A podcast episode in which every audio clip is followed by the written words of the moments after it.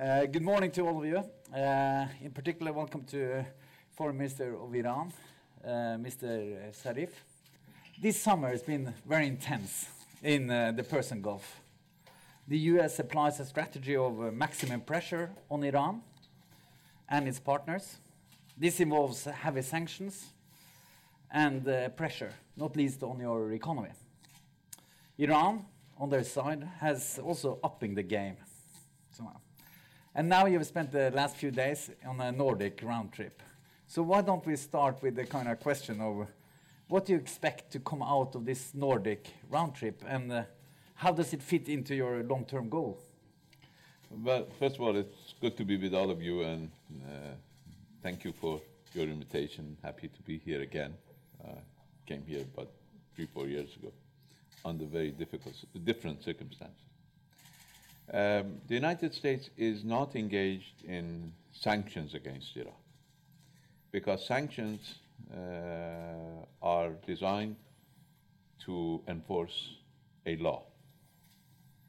Uh, what the United States is enforcing is illegality because countries are called upon by a United Nations Security Council resolution, which the United States sponsored and voted for, uh, that calls on countries to uh, normalize their business relations with Iran. In fact, the United States punishes countries for normalizing business relations with Iran. So they cannot be called sanctions because sanctions are supposed to enforce the law, not break the law. Second, they're not economic sanctions again because they're targeting civilian population. Secretary Pompeo is on the record saying that if Iran wants its people to, to eat, then it has to follow what we say. That's called extortion. And if you look at the definition of terrorism in Google, it's called terrorism because terrorism is to use violence or intimidation in order against civilian population in order for them to change their political course. So the United States is putting pressure, trying to intimidate civilian population of Iran in order for them, as Secretary Pompeo again has said, to peacefully change their government. That is called terrorism, pure and simple, and extortion. The United States is also preventing Iran from enjoying freedom of navigation. The ship that was seized by British authorities in Gibraltar, not because of EU sanctions, but because of US request. It was clear because Ambassador Bolton, the day the ship was seized, said, This is the best 4th of July present that UK could have ever given to the United States. So it's clear who asked for it, and since its release, it's clear who is trying to seize it again. Uh, EU sanctions do not apply to third countries. Iran's oil is not sanctioned by the EU, and the destination of oil was not Syria, but even if, if it were Syria, was none of UK's business because uh, we're not an EU member. So freedom of navigation is being trampled upon by the United States. Right now, as that ship is moving in the Mediterranean, the United States is preventing it from carrying its business. Selling of Iranian oil is not illegal in international law. We have every right to sell our oil. The European Union has made commitments after US withdrawal that Iran will be able to sell its oil.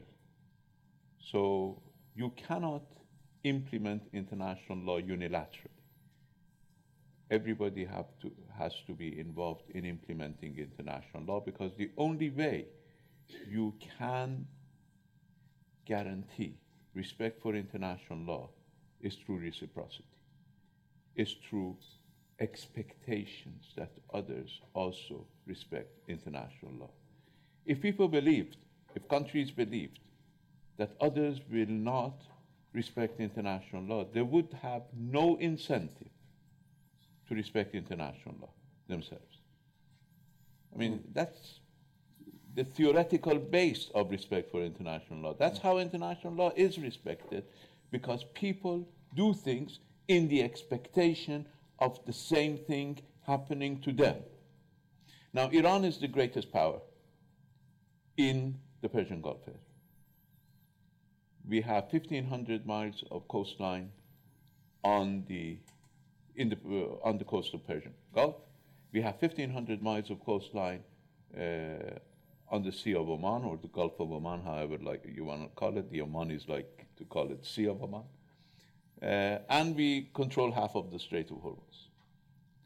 Now, it is impossible to have security in the Persian Gulf and the Sea of Oman and the Strait of Hormuz without Iran. You can certainly not have security at the expense of insecurity of Iran. Hmm. This should be very clear to everybody. So, bringing naval vessels to the Persian Gulf with the, with the clear aim of confronting Iran will not secure the Persian Gulf. That's obvious. You want security in the Persian Gulf, you have to have security for everybody. And Iran depends on the Persian Gulf. There are only three countries that depend on the Persian Gulf and the Strait of Hormuz for their entire livelihood. It's Iran, Kuwait, and Qatar. That's our only way out. Others have alternative routes, mm. either pipelines or other alternative routes. Our only route is the Persian Gulf and the Strait of Hormuz. So we have every interest in keeping it safe, but it has to be safe for everybody. Mm. We are prepared to engage with those who are interested in safety. But, but we're not prepared to simply accept the United States to bully us. I don't know why, with all due respect, the European Union and other members of, the, of Europe, other countries in Europe, allow the United States to bully them. Mm. And I'll tell you why. Because the United States, the OFAC, the Office of Foreign Asset Control, is the executioner because that is the entity that, is imposes, that imposes sanctions and punishments on European firms for not violating international law, but for observing international law. And European firms are going to OFAC in order to ask for requests to observe international law. And it turns them down. And they continue to go. I mean, I'm bewildered by this. Americans say that food and medicine are exempt from their sanctions. European companies nevertheless go to OFAC to seek permissions for food and medicine. Last year, 1,500 requests, this is OFAC information. So there is a general license, there is a general waiver for food and medicine, supposedly. But European companies want to be confident. So they go and request for license for food and medicine that has a general license. They have made 1,500 requests, only 500 has been granted. And in the meantime, US sales of corn and soybeans to Iran has quadrupled over the last year. That I call bullying. We will not submit ourselves to bullying. If others want to submit themselves to bullying, then they should not expect us to go along. Okay, uh, thank you so much. Uh, we, will return to the issue of shipping a bit later uh, and maritime security. But uh, during this summer, we have seen drones have been attacked, shot down, vessels have been captured. Um, President Trump has apparently called off last minute attack on Iran. So, uh, Mr. Zarif, what is the main security concern you see now? And uh, is there a risk war for war in the Persian Gulf as you see it? Well, uh, you see, we did not attack a drone in the Gulf of Mexico. There is a reason it's called Persian Gulf, and there is a reason we remind people it's not called the Gulf, because it is the Persian Gulf, it is next to us, and maybe people need to be reminded, and maybe they use the Gulf in order to forget about the fact that it is right there, that we have the coastline. The drone was shot with an Iranian missile very close to our security zone, inside our airspace over our territorial waters and not disputed territorial waters, undisputed, because there are parts of our territorial waters in the Persian Gulf that has, I mean, there are, there are disputes over them because of the, uh, of the baseline. But here, it was undisputed Iranian territorial waters and Iranian airspace. So we defended our territory. We did not go uh, next to the Florida coast to shoot anybody. Uh, it was our coast. Uh, the United States wants to engage in adventurous behavior in our region, and we will respond. The reason President Trump called off the uh, retaliation, uh, I think you need to ask him why he called it off, but we sent him a message that it would be the beginning and not the end and it would involve further hostility. See, we have shown that we're not interested in war. We have shown that we're interested in negotiations. We even negotiated with the United States. No country has engaged in more negotiations with the United States than Iran. Over two years, Secretary Kerry and I spent more time together than we spent with any other foreign minister, even with our wives. But, I mean, we produced a document that is 150 pages long. We dealt with every detail. So we're not afraid of negotiations. I sat in front of seven foreign, six foreign ministers and the uh, European Union High Representative. And we engaged with them. We engaged with them bilaterally, we engaged with them multilaterally. We negotiated a fine piece of document that deals with everything, including how to address violations. The United States decided all of a sudden to withdraw from that and to to do what they call maximum pressure. Even President Trump calls it economic war. President Trump himself has called maximum pressure economic war, and we don't listen, we don't consider the meaning of that. Economic war is a war where civilians are the main targets, not uh, collateral damage. They're the main targets of an economic war. Our people are being confronted with, with this war. Whether there will be a war in, in Persian Gulf, I can tell you we will not start that war. We have not started a war against anybody in 250 years. But those who have started wars against us have not been very happy about the outcome. Look at what Saddam is right now. He enjoyed the support of everybody in the world. Everybody believed that Iran would collapse in seven days when he invaded us. Everybody supported him. From MiG fighters from the Soviet Union to AWACS reconnaissance from United States to Chieftain tanks from Britain to Exocet uh, missiles and Mirage fighters from France to chemical weapons from Germany to Silkworm missiles from China. Everybody made sure that they supported him. Saudi Arabia paid him $75 billion. He used that money and those weapons after he failed with Iran against Kuwait.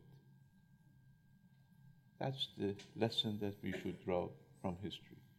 Genghis Khan invaded Iran.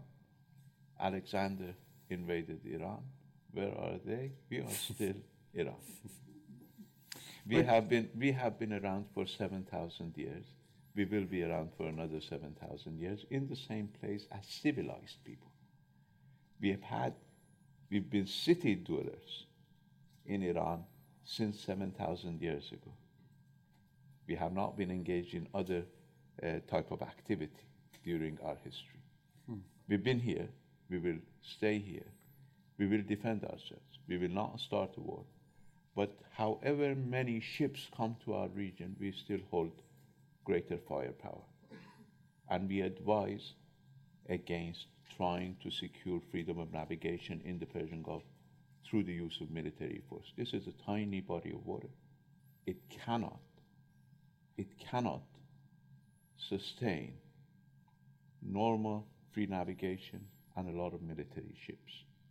There is no reason for a lot of military ships you can have security in the Persian Gulf through cooperation. through engagement, through inclusion, not through exclusion.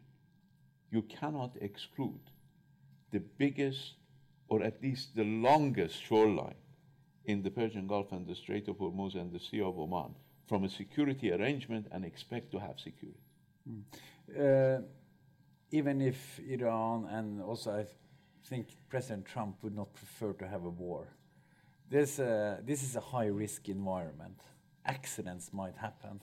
You might have uh, unexpected escalation, uncertainties, and counter reactions to that. So then the question is what kind of mechanism is there in place for communication and to prevent unwanted escalation in this kind of environment? So so what kind of communication, since there's nobody here, uh, maybe you can share, what kind of communications do you have with Americans? You said you have sent them a warning, but what kind of communications do you really have? Well, we have uh, the Swiss ambassador who, in Tehran who acts as the U.S. Uh, representative. Uh, the U.S. Uh, interest section in Iran is hosted by the Swiss government. So when we need to send an immediate message, we will send it through the Swiss. In the past, we had direct communication between myself and Secretary Kerry, so we could communicate directly. Since Secretary Kerry left office, they broke communication with Iran. It wasn't us breaking communications with them. Uh, so uh, this, this stopped. Uh, actually, we were uh, in the same room, negotiating in the same room through the JCPOA until April 2018 meeting every three months. Our deputies had their had each other's phone numbers, uh, could communicate, but the United States decided all of a sudden to leave the room. Uh, and, I, and I believe the United States is interested in exacerbating tension. Uh, we have a saying in Farsi if, if you're asleep, I can wake you up, but if you pretend to be asleep, I can never wake you up. The United States wants to escalate. I know that President Trump does not want war, but I know that people around him who, who thirst for war, who have done everything possible. I mean, President Trump himself said that there is no war in the world that Ambassador Bolton doesn't want to get involved in. I mean, this is not me talking, this is President Trump talking. Hmm. Uh, okay, so, so that's the immediate, uh, let's say, management of the crisis. But returning a bit to my first question about why you're in the Nordic countries. So, so about because this is a uh, high risk situation, as we said, but it's also detrimental, I think, to international relations in general and also to the countries involved in the situation somehow. So, how do you, what do you expect to be the outcome of the situation? Where do you see the way forward? You have, you have turned down, as I understand, an offer by President Trump to engage in negotiations. No. Uh, Prime Minister Abe uh, visited Tehran, and he, I don't know, but uh, I understood that he also was kind of stretching out a hand to say, okay, is this something? And he also sent a letter. I brought with this a letter. No, he didn't bring a letter. Okay, he okay. But, but, where, where is where, let where me, let me put this negotiation in perspective, and maybe uh, something that uh, sounds like a joke will uh, tell you what this negotiation is about. Uh, about four weeks ago, when I was in New York for a for not not for bilateral, uh, but for, for a United Nations meeting on sustainable development, uh, somebody came to see me, uh, and he said, "I spoke to President Trump, and he invited you to come to the Oval Office for discussions with President Trump himself. And he also said that the decision has been made to designate you, meaning to sanction you, in two weeks. Now, that's a hell of a way to invite somebody to negotiate, saying that you'll be sanctioned in two weeks unless you come to the White House and, as a foreign minister, we meet with the President of the United States. Uh, sort of like putting a gun at your head and saying, okay, come and dance with me, otherwise I'll kill you. um, the, the, this is the type of offer that we're getting from the United States. As I told you, we were sitting at the negotiating table. We did negotiate with the United States. Now, it's not any of our business that the government changed in the US. And last I checked, and I'm sure you have, there wasn't a revolution in the United States, there was only an election in the United States. And what the previous government agreed to is not a bilateral agreement, but it's a part of a Security Council resolution. And again, last I checked, the United States is sitting in the Security Council. Secretary Pompeo was there yesterday or day before yesterday as a permanent member. So this is a Security Council resolution, 150 pages of document that was negotiated word for word and there were give and takes on every word of it. And now all of a sudden, President Trump comes and tells us that I don't like that document. I want something, a new document called Trump document. Now, who, which self-respecting country will go and renegotiate? You don't buy the horse twice. We, we bought this horse. We paid the money for it. A lot of our, I mean, Europeans talk about their private companies a lot of Iranian private companies went bankrupt because we implemented our commitments. So, nobody else is implementing. Does it mean that we have to renegotiate?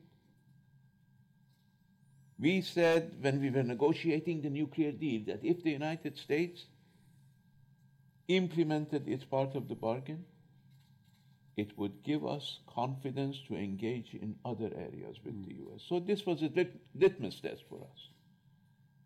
Even the Obama administration did not perform very well, but the Trump administration has flatly withdrawn from the, from the agreement. Why should we renegotiate? What is there to renegotiate? This is not a general agreement that we go and discuss the details.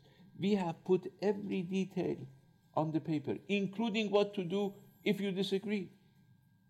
But United States could have used that option. The United States could have brought its areas of um, uh, reservation to the table and discussed it. So you suggest that there's nothing to negotiate on, and there's no way further somehow to to go. The no. US says there is not. no, I'm not suggesting that there's nothing to negotiate on nor the, there's no place further to go. First of all, this is a multilateral agreement, and the United States is only one party to this agreement, and I believe Europe, China, Russia or other parties, and uh, I, I, think the rest of the international community wants this agreement to, to stand, and I believe the rest of the international community has the power to make this stand. I, I believe the United States is working, uh, pushing its agenda by bullying. Let's just imagine that tomorrow, instead of Iran, they'll tell you not to do business with China. What do you want to do then? Whatever you want to do then, do it now, because a bully will not stop bullying until you stand up against them. A bully will be even more uh, interested and uh, inclined to bully when they can get one. I mean, uh, you all remember your high school bullies. They started with the smallest kid on the block. And when they could beat him, they would go one stage higher, and then one stage higher, and one stage higher. By the time they become bully in the class, and nobody would be able to say anything about them. This is what the United States is doing. Now, the United States Secretary of State said in, in Brussels that there are three great powers that we need to deal with. We don't consider ourselves a great power. I think the, we think the era, the era of great powers is long gone. But he said China, Russia, and Iran. Now, it's, they start with the least of the great powers, but the, the next stop will be Russia and China. Now, you have differences with Russia, but you have a lot of trade with China.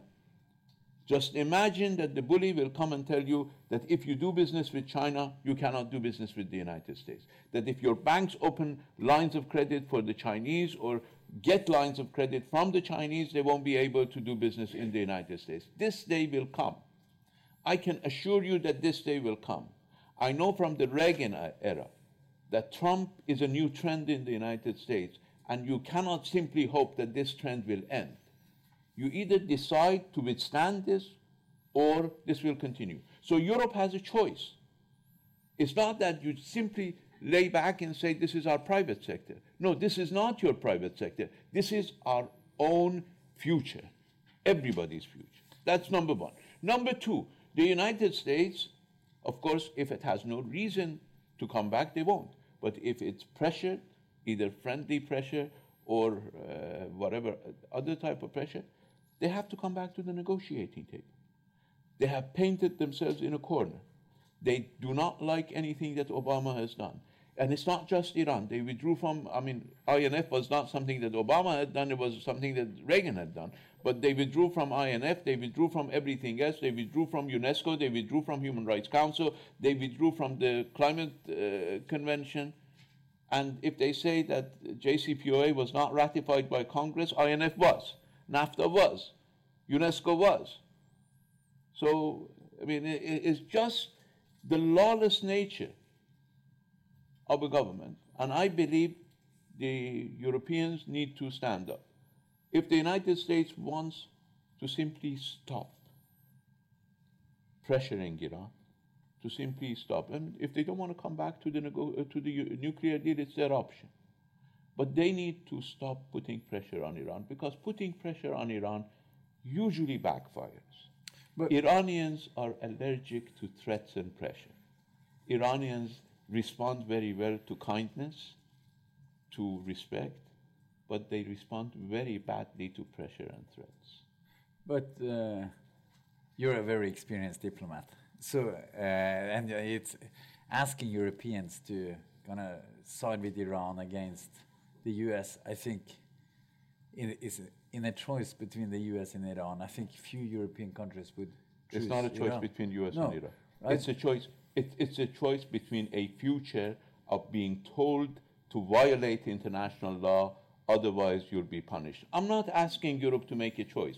This, I mean, the way you define a problem tells you the way you answer the problem. You have all defined the problem. This is a choice between Iran and the United States, and obviously you choose the United States. But it's not a choice between Iran and the United States. I'm portraying an image for you that out of 35 years of experience with the United States, living in the US for 30 years, I know that that's, that portrayal is going to be in front of you within five, two, three, four, five years.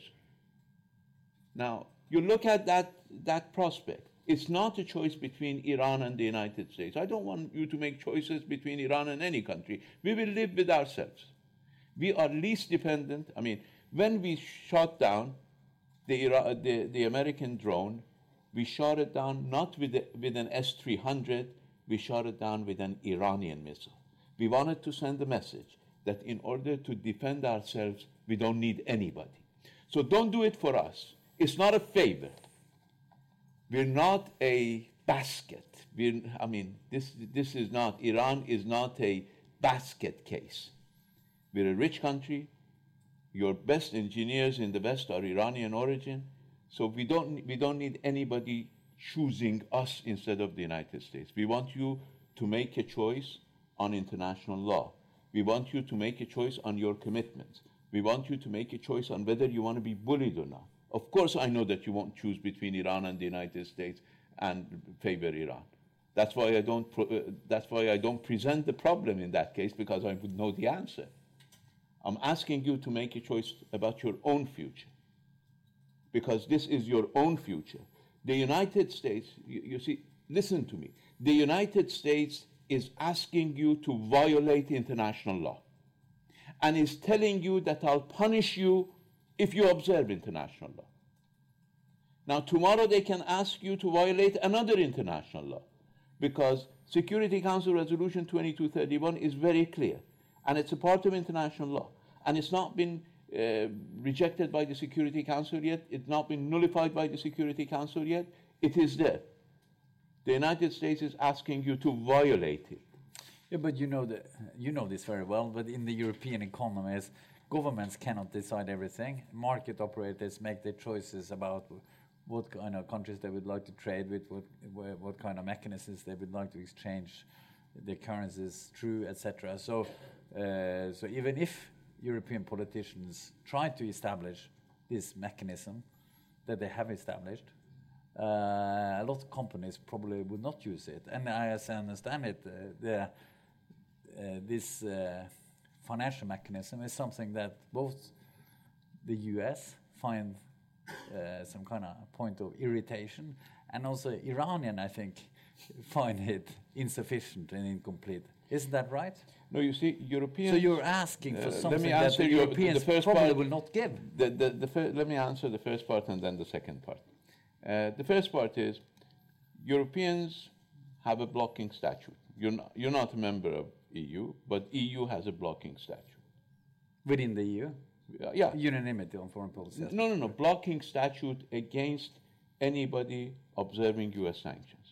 They enacted that blocking statute last. Uh, it was, uh, I think, if, I, if I'm not mistaken, last August, against companies deciding to go along with U.S. sanctions.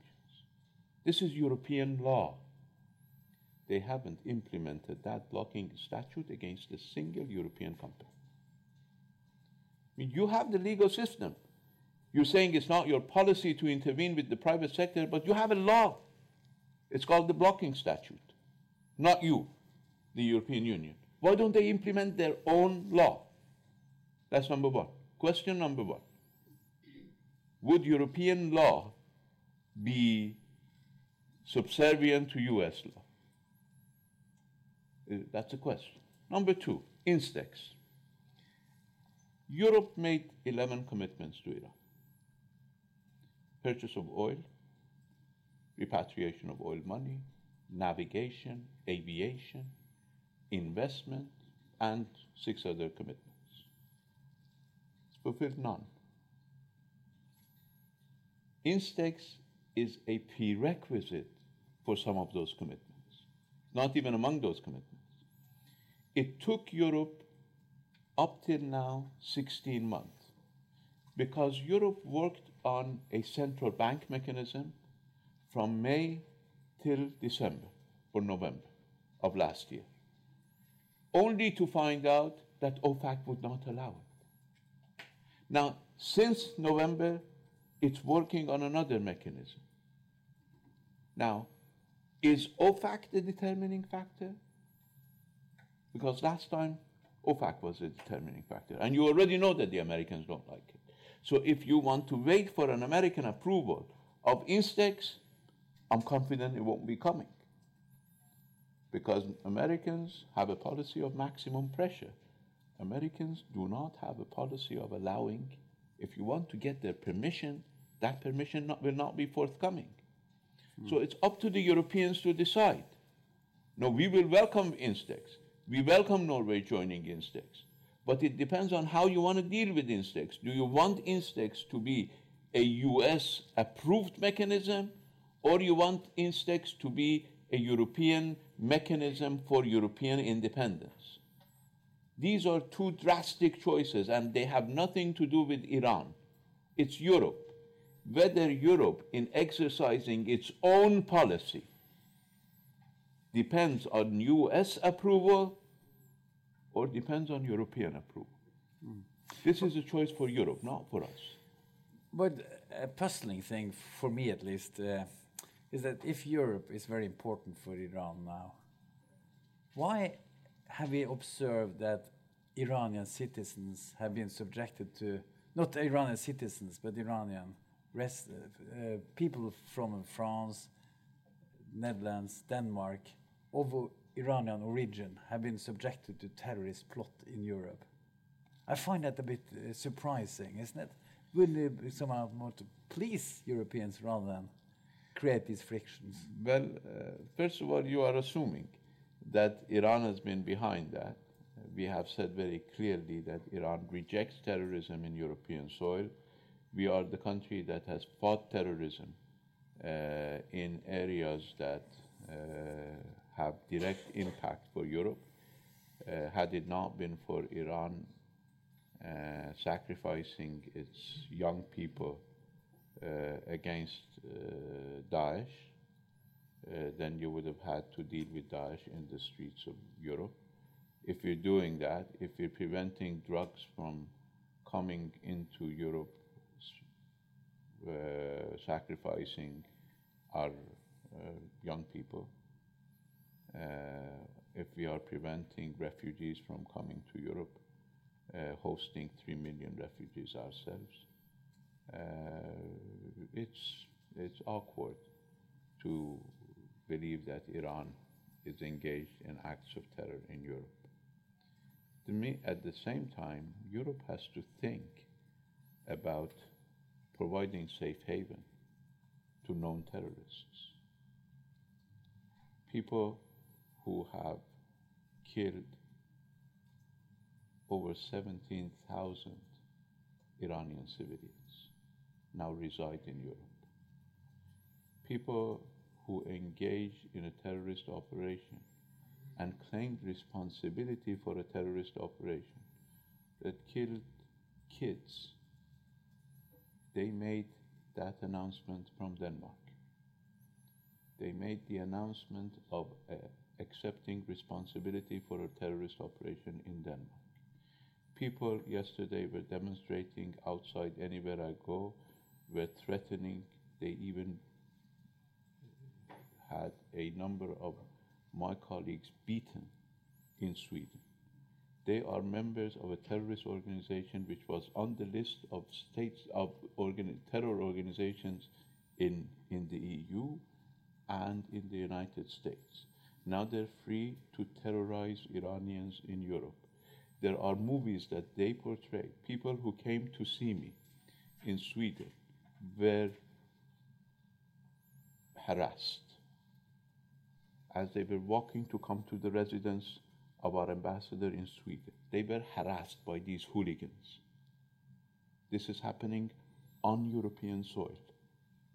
These are all European citizens. Those who are har- harassing are European citizens. Those who are being harassed are European citizens. So if there is a question, the question should be why Europe is safe haven to known terrorists. Why Europe is safe haven to organizations that have claimed terrorism from European soil. Would Europe accept if we did the same? Would Europe accept if we allow Al Qaeda to operate in our territory? Would Europe accept if we allow Taliban to operate from our territory? Would Europe accept if we allow Daesh to operate from our territory? You wouldn't. You would be raising hell about it. But same groups, same individuals, same organizations, people who supported Saddam Hussein when he was gassing the Kurds are walking in your streets under the protection. And now they accuse us of plotting against them, and you simply repeat. No accusation against Iran has been proven in any place. No, not even a, a, an indication is there. I'm telling you, this gentleman went on television from Denmark claiming responsibility for an act of terror, and he's still walking under, under Danish protection. This is, a, this is a criminal act that needs to be responded to. Second, But not necessarily by Iran. what? If it's a criminal act, don't No, no, no, we don't. European No, you. system to No, it's, it's your responsibility. I said, Right. we have said that we condemn any terrorist act on European soil. We will not accept it. We will not condone it. But what you are doing right now in Europe is not only condoning, but providing protection to those who are charged with terrorist crimes in Iran.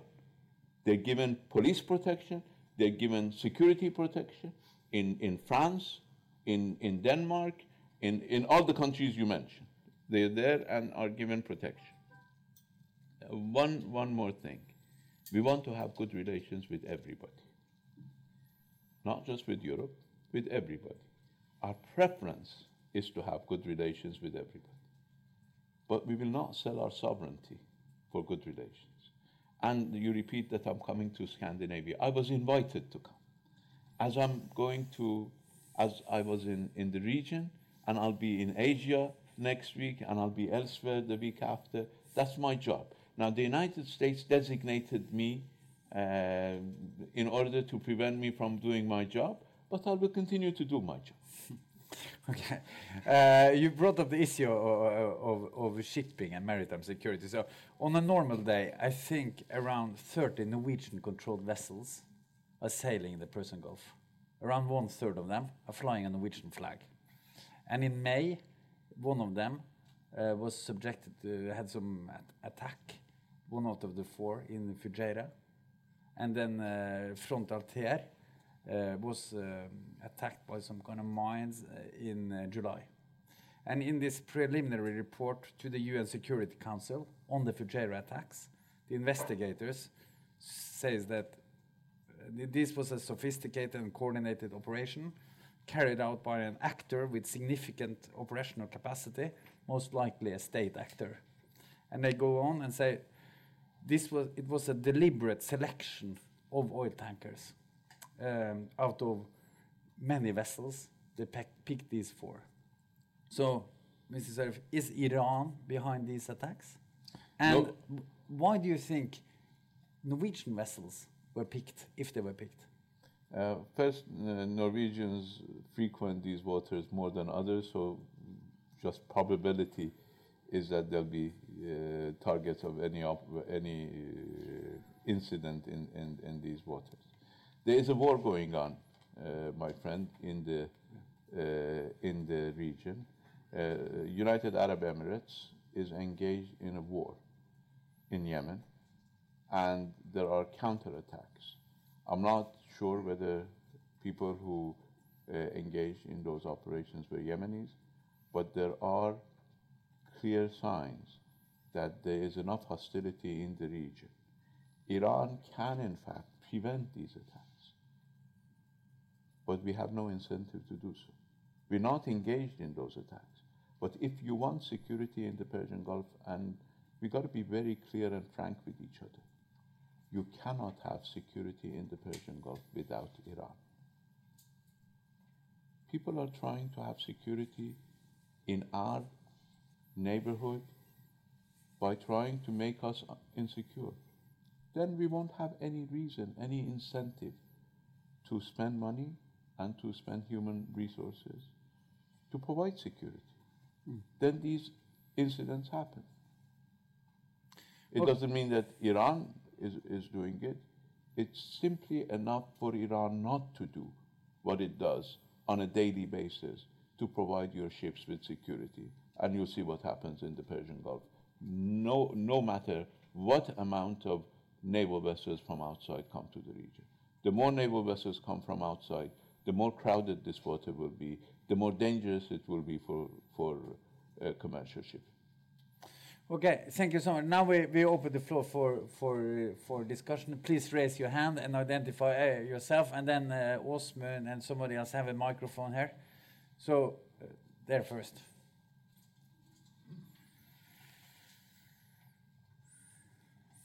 Thank you so much. Uh, my name is Johan Falnes. I'm a journalist for the Norwegian news agency NTB.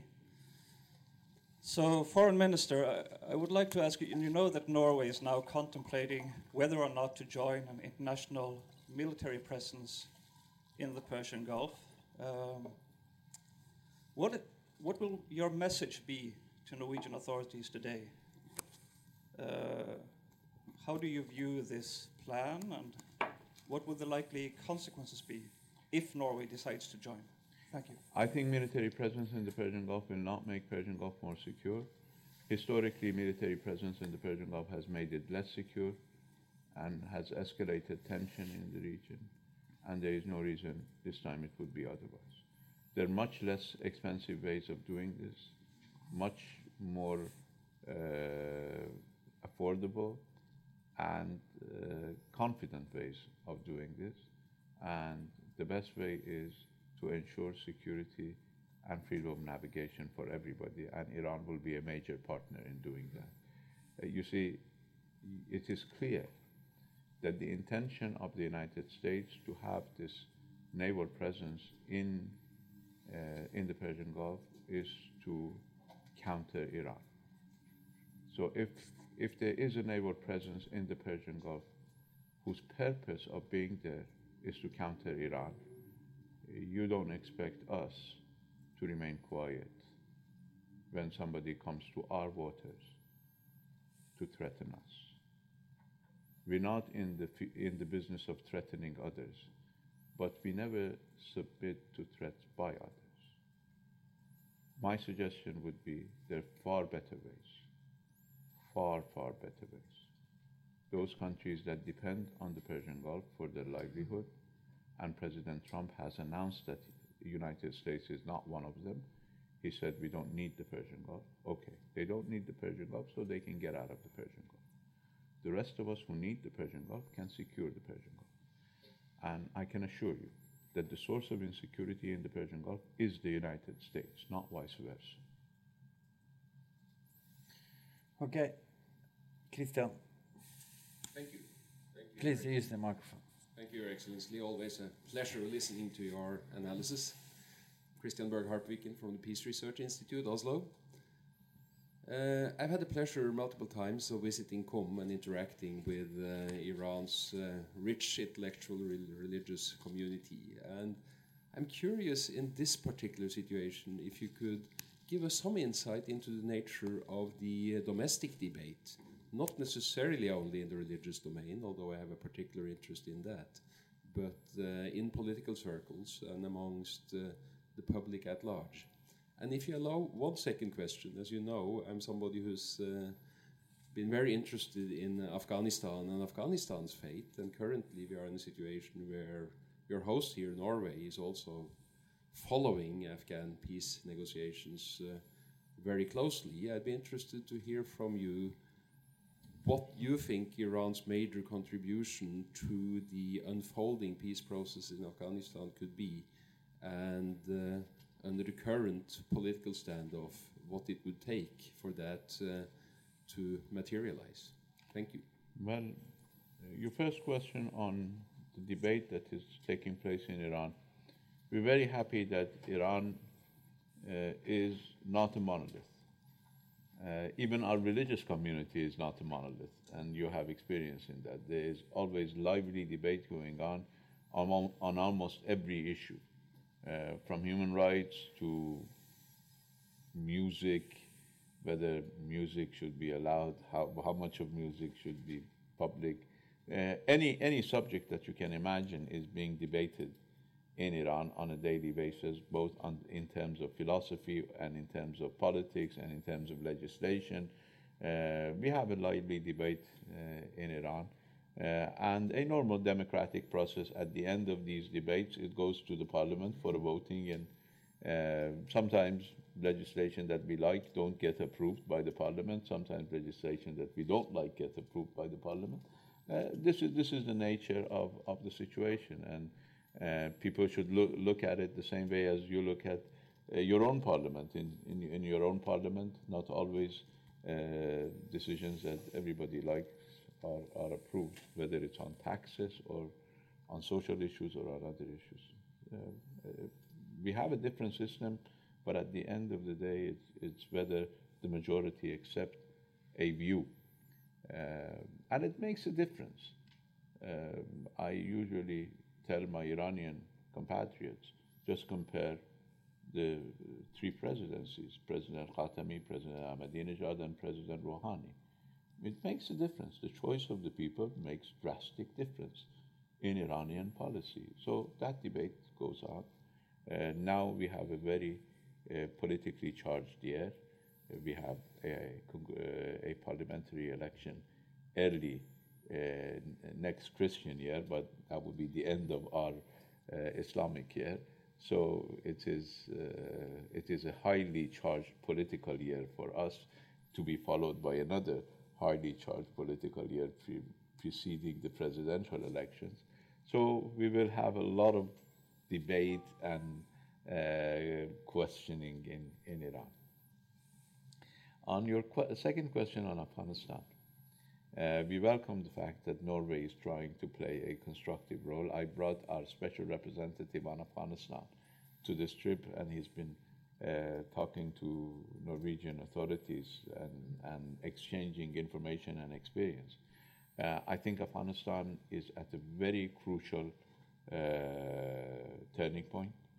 Uh, it is important that the achievements of the international community and the Afghan people since 2001 be preserved in the next round, not be destroyed.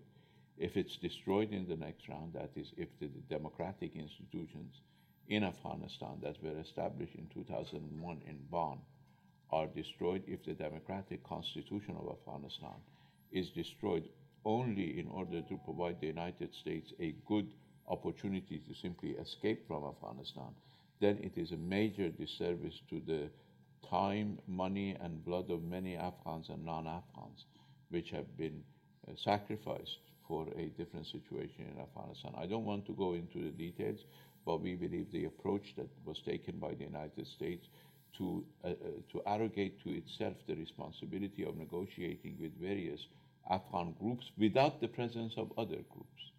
That was the problem. We, we also talk to Afghans. We also talk to the Taliban. We have uh, serious relations with the Taliban. But we never negotiate about the future of Afghanistan with one group without the presence of another group. If you want to negotiate about the future of Afghanistan, it has to be Afghan led and Afghan owned. And this is the, the, the principal operating uh, line of the government of Norway in its next uh, attempt to host the Afghans. And we welcome that, and we are providing our experience and our advice on, on that issue. Okay, thank you so much. I see lots of hands up there, and now it's uh, Sverre and Kjetil. Could we uh, collect two, and then it's uh, Tove over there. So we take two questions, but just one per person, Christian. Iran has um, 15, from 15 neighboring states, counting uh, borders at sea as we should. Only one country has more. Russia has uh, uh, 16. And in the larger geopolitical picture, you are diplomatically active in all directions, all main directions. Indeed, uh, Iran has a lot of foreign affairs, and you are probably one of the busiest uh, foreign ministers in, in the world. Uh, but so far, um, direction west has been the main direction of your uh, uh, foreign affairs. Now, suppose that um, United States remains uh, hostile and that the Europeans do not deliver, uh, which is a fair assumption.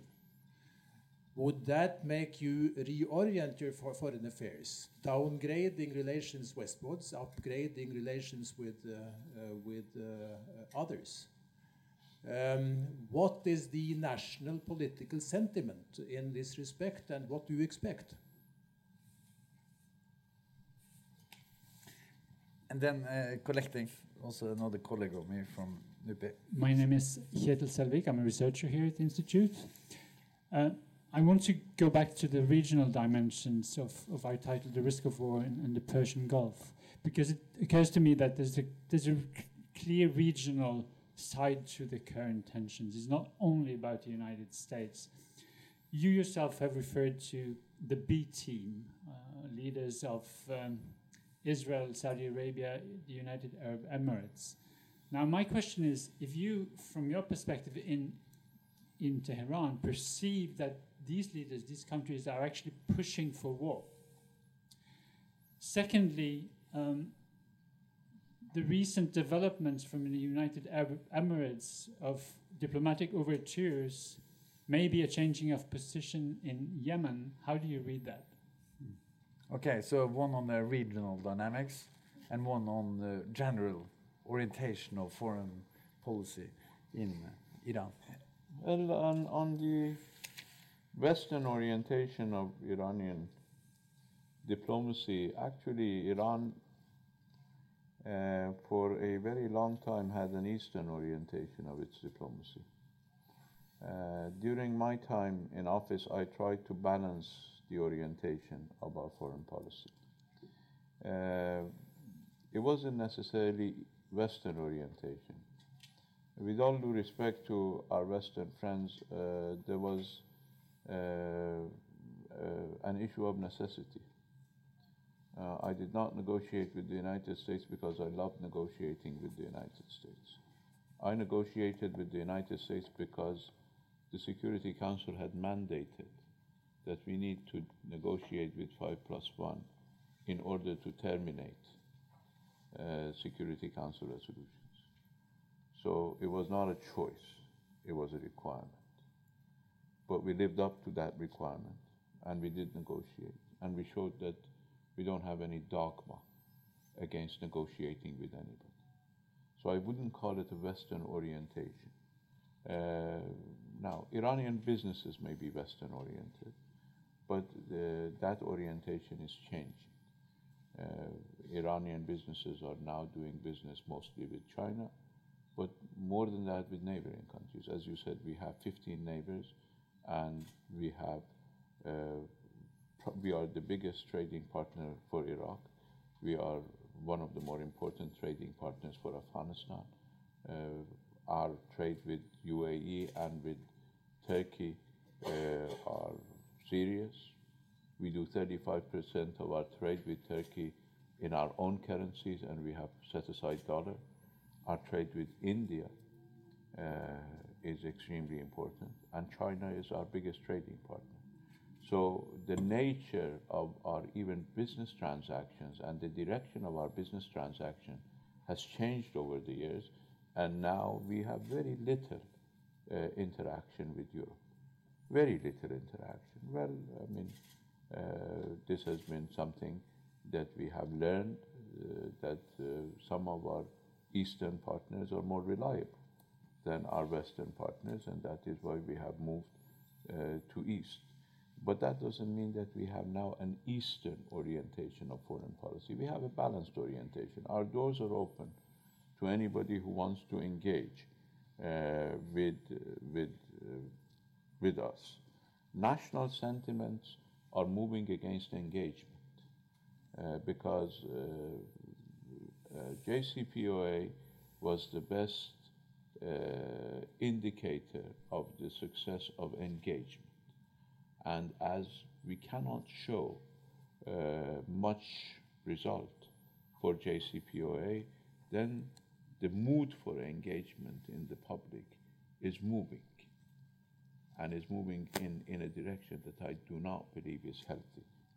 But it is only a reaction to what we have suffered over the past uh, four years.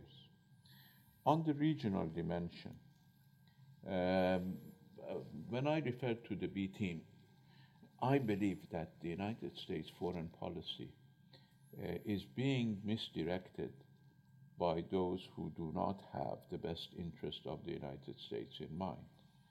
Uh, and President Trump, uh, maybe reluctantly, is moving in that direction. President Trump, as you pointed out, does not want war. But there are people within his administration and outside his administration and even outside the United States who want nothing more than war. Uh, and the uh, direction of the policies that they are dragging President Trump into would be actually to drag him into something that he doesn't want. His entire perspective is to change the liberal international order. And that is what I told you about uh, the trend that will be affecting. But those individuals have an immediate interest in countering Iran and in dragging President Trump into war with Iran. Now, sometimes he, at the end of the day, like the previous military operation that he was just about to be dragged into, he decided to withdraw because he learned from us that this would not be the end but the beginning of a confrontation. But sometimes accidents happen, sometimes planned accidents happen. There is a theory that those attacks against the ships were planned accidents trying to drag people into a war. There were other planned accidents which we averted in the region. So it's a bit complicated. It's a, it's a complicated picture. But our interest in regional security is paramount. When I assumed office, the first article I wrote was not in the New York Times, but was in Sharq al-Awsat, in Arabic, for our neighbors. And in that article, I proposed a regional dialogue. Now, in proposing a regional dialogue, I'm trying to follow uh, the European example of the Helsinki process. Actually, I went to Helsinki three years ago, participated in the Helsinki Peace Forum, and presented my ideas about how the experiment of Europe could be replicated, modified and replicated in our region. that is principles and confidence building baskets. And those confidence building baskets can include environment, tourism, uh, economic cooperation, military transparency, and can end with uh, non aggression pacts between countries in the region. Or if you believe a purely functionalist approach will not work in our region because of the primacy of security concerns, then we can start uh, in, in the reverse order. Start with a non aggression pact, which I recently announced in Baghdad, that we can start with a non aggression pact and then work out the confidence building area so that that primary security concerns of the countries in the region would be overcome. Now, one major caveat for any security arrangement in our region is the difference and divergence in size and power.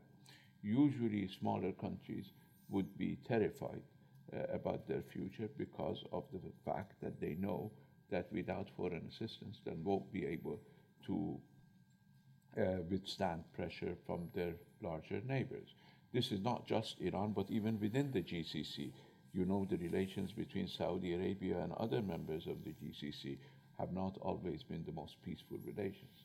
So the way to address that, because if you try to purchase security from outside, then you start another dynamic that would be counterproductive to regional security. The way to deal with that is to have an international umbrella for any security package in, in our region. And fortunately, we already have that international umbrella.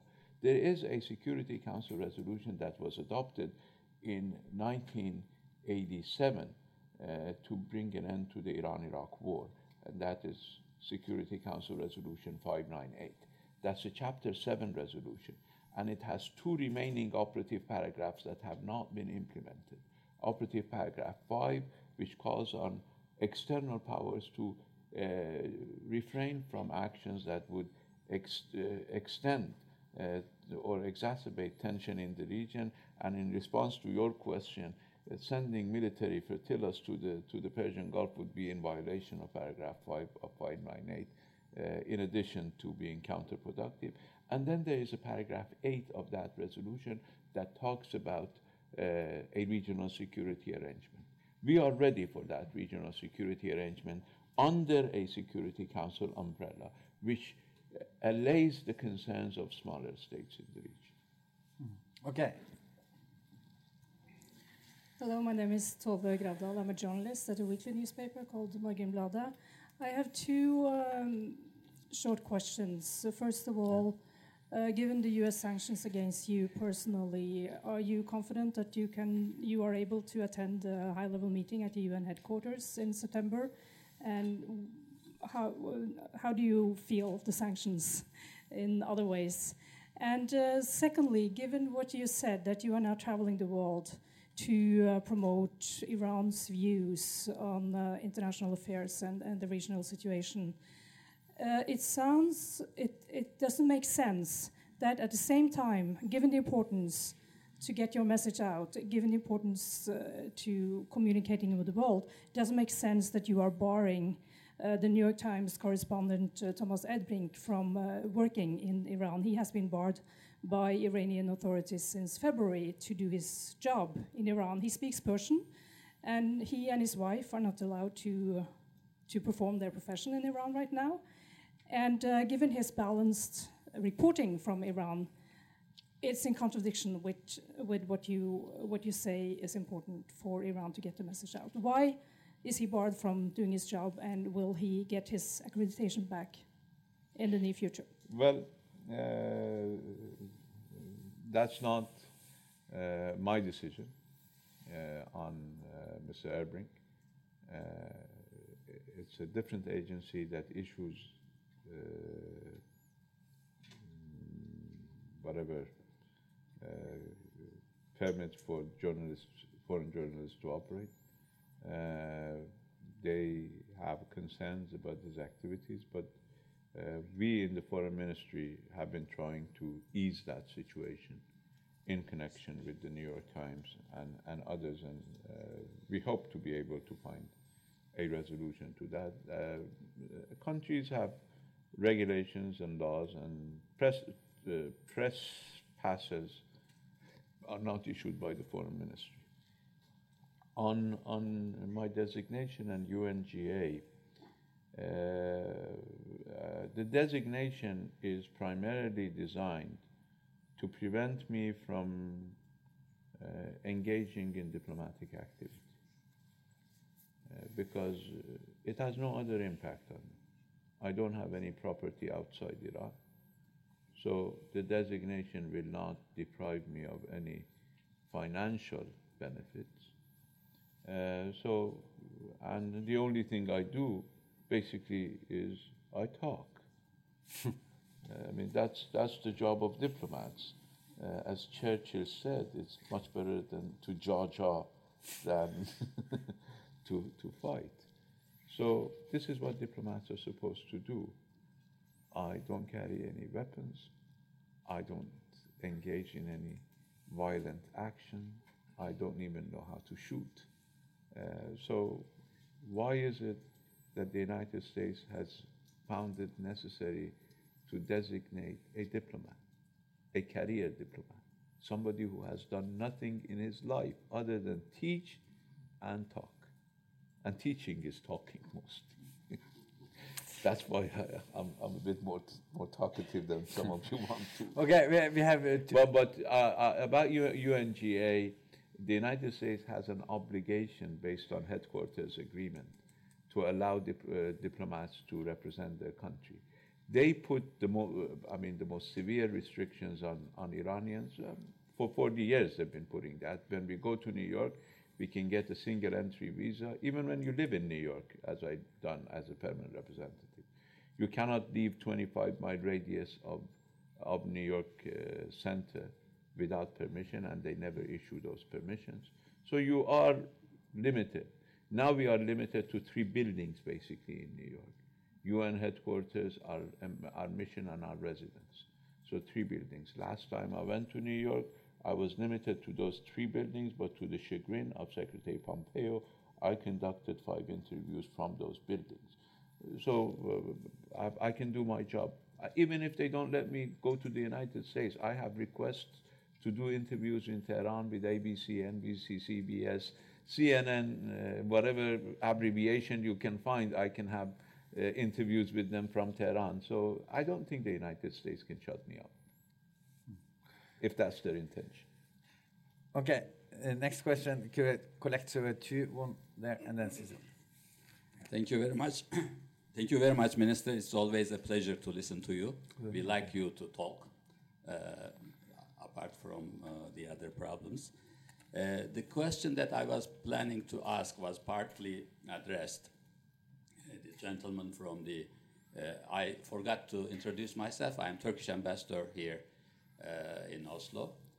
Uh, my question was partly asked by, uh, by our colleague from the NUPI, and you addressed this, the regional dimension.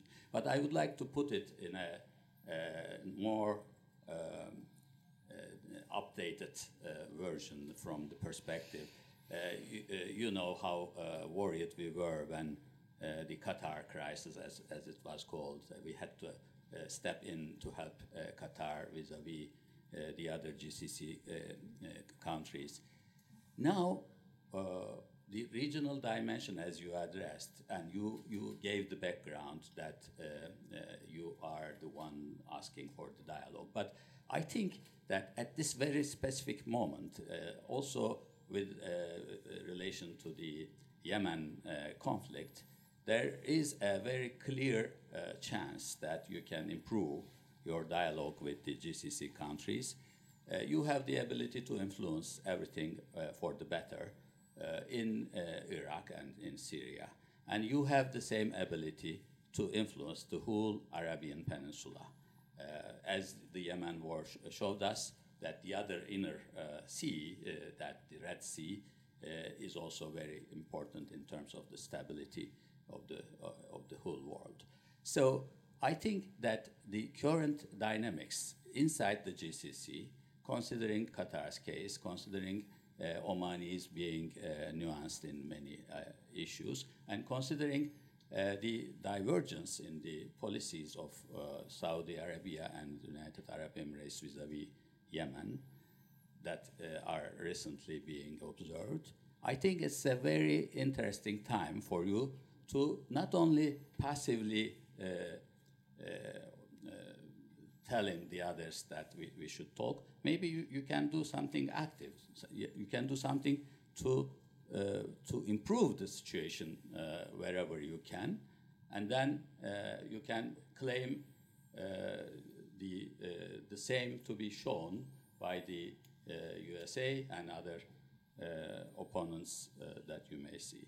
Thank you very much. Well, thank you, Ambassador. This is a very good suggestion, and I believe uh, Iran and Turkey and Russia have shown that, in fact, through regional diplomacy, you can be successful in, in ending uh, major conflicts. Uh, when we started the Astana process, uh, nobody believed that Astana process could lead to de-escalation in Syria. I remember uh, I in, in, in Davos because Astana process was announced in January or December, and there was a meeting of the World Economic Forum in Davos, and I was the only uh, foreign minister of the three Astana uh, parties there, and I, I, I, was almost encircled by everybody who believed that Astana would not get anywhere.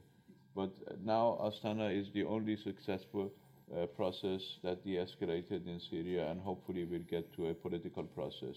Now we only have one outstanding member of the Constitutional Committee uh, in order to start the constitutional process in Syria, and many people believe that this would never happen. Uh, of course, we had a full package last uh, November, December, but because of the push from uh, four countries, the Secretary General was not able to approve that package, so now we have we are working on another package.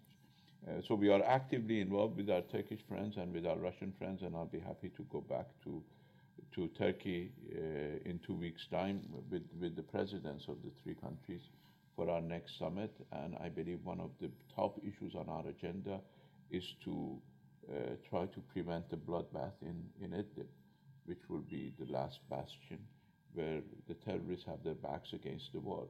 We resolved other issues in, in Syria by sending uh, these extremists to Idlib. Now, if we want to resolve the situation in Idlib, there is no place we can send these extremists to, mm. and that's what makes Idlib probably the most difficult not to crack uh, in, in the Syrian situation. But we will work with our, with our friends. Iran and Turkey work together in order to prevent Qatar from being suffocated. Now, Turkey and Qatar had very good relations. We and Qatar had very serious differences over Syria. But we stepped in, and without us uh, opening our space and opening our ports to our Turkish friends and, and also to our own uh, businesses, Qatar would have been suffocated. Mm. We, we went to their help because we believe that the region, we are a status quo power in the region. We believe that change in the, any change in the borders of the region will be dangerous. Now, Iran, Turkey, and others have an interest in dealing peacefully with the Kurdish situation in the region because it can be a source of instability for all of us. So these are issues that we can deal with.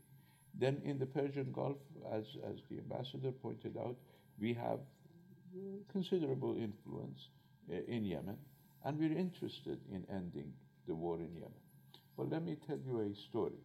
When I became foreign minister, I sent a, a suggestion to my late friend Prince Saud al Faisal that we can engage with you on Iraq, Syria, Lebanon, uh, Yemen, and, uh, and Bahrain.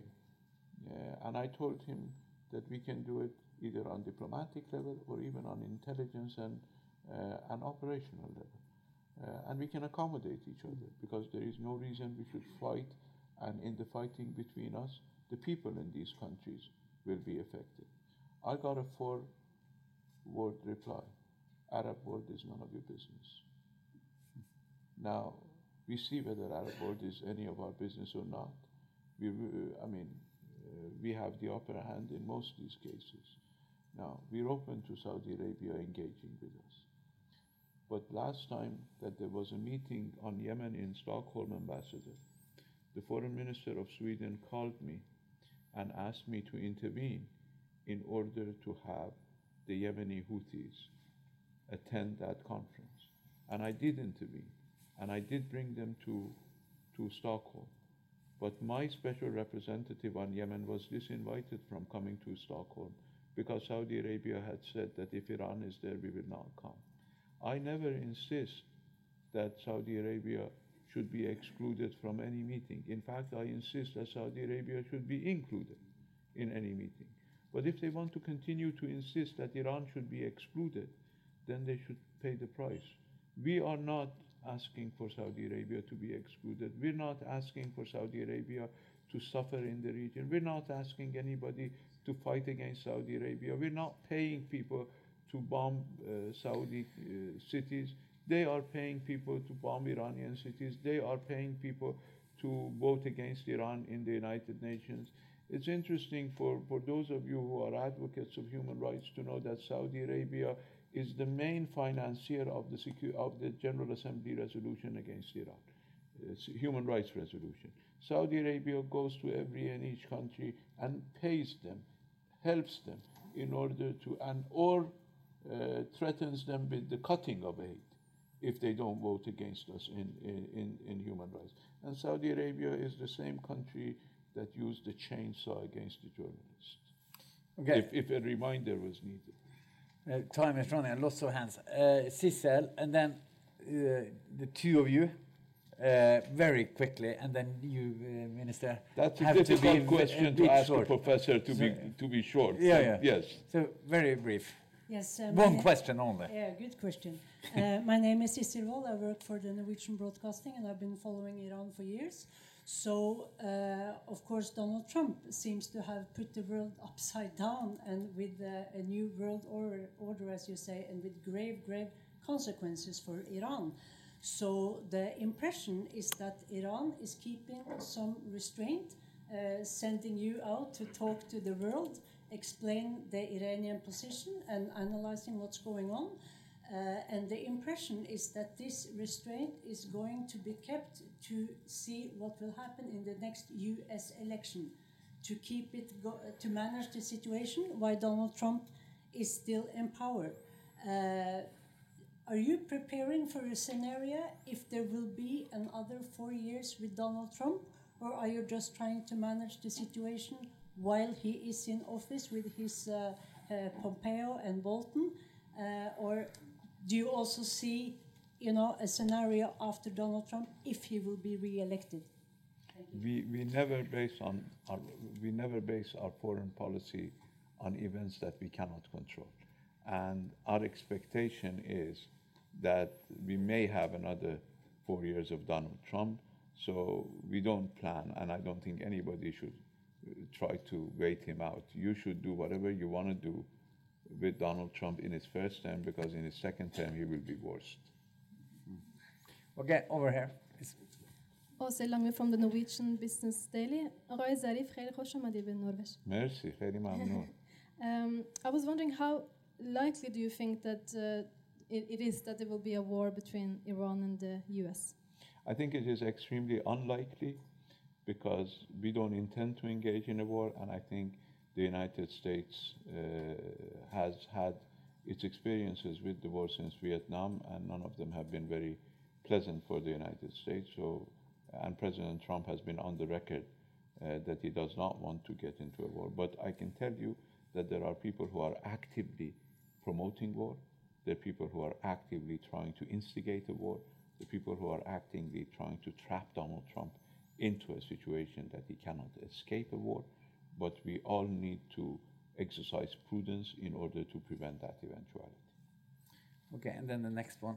You see, I'm being very restrained even in. Yeah, my very good. Do you have a 10 minute or 7 minute uh, response and a very pointed 2 minutes, uh, 1 minute? So, uh, very good. Uh, Mr. Zarif, thank you for giving the opportunity to ask a question. Uh, Nerijus Adomaitis from Reuters. Could you speak up, please? Uh, Yeah. louder? Yeah, now it's Is it- okay. Yeah. Can you hear now? Yeah, Yeah. I can. Uh, Nerijus Adomaitis from Reuters. I understand that you're going to, to meet uh, French President Macron on Friday, and he has said that he made a proposal to Iran uh, to, uh, to compensate or, or the sanctions or, or, or some sort of other, other mechanism to relieve uh, uh, the situation in exchange uh, for Iran uh, coming back or fully complying with the, with the, with the, with the previous agreement and, uh, and uh, uh, agreeing to negotiate on a you know, broader, broader issues.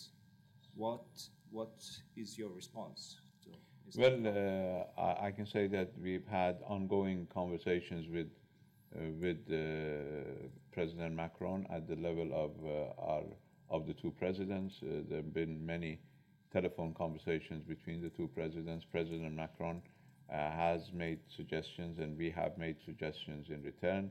Uh, I'm looking forward to having a serious conversation both with President Macron and with my friend uh, Le Drian uh, about uh, possibilities uh, to move forward.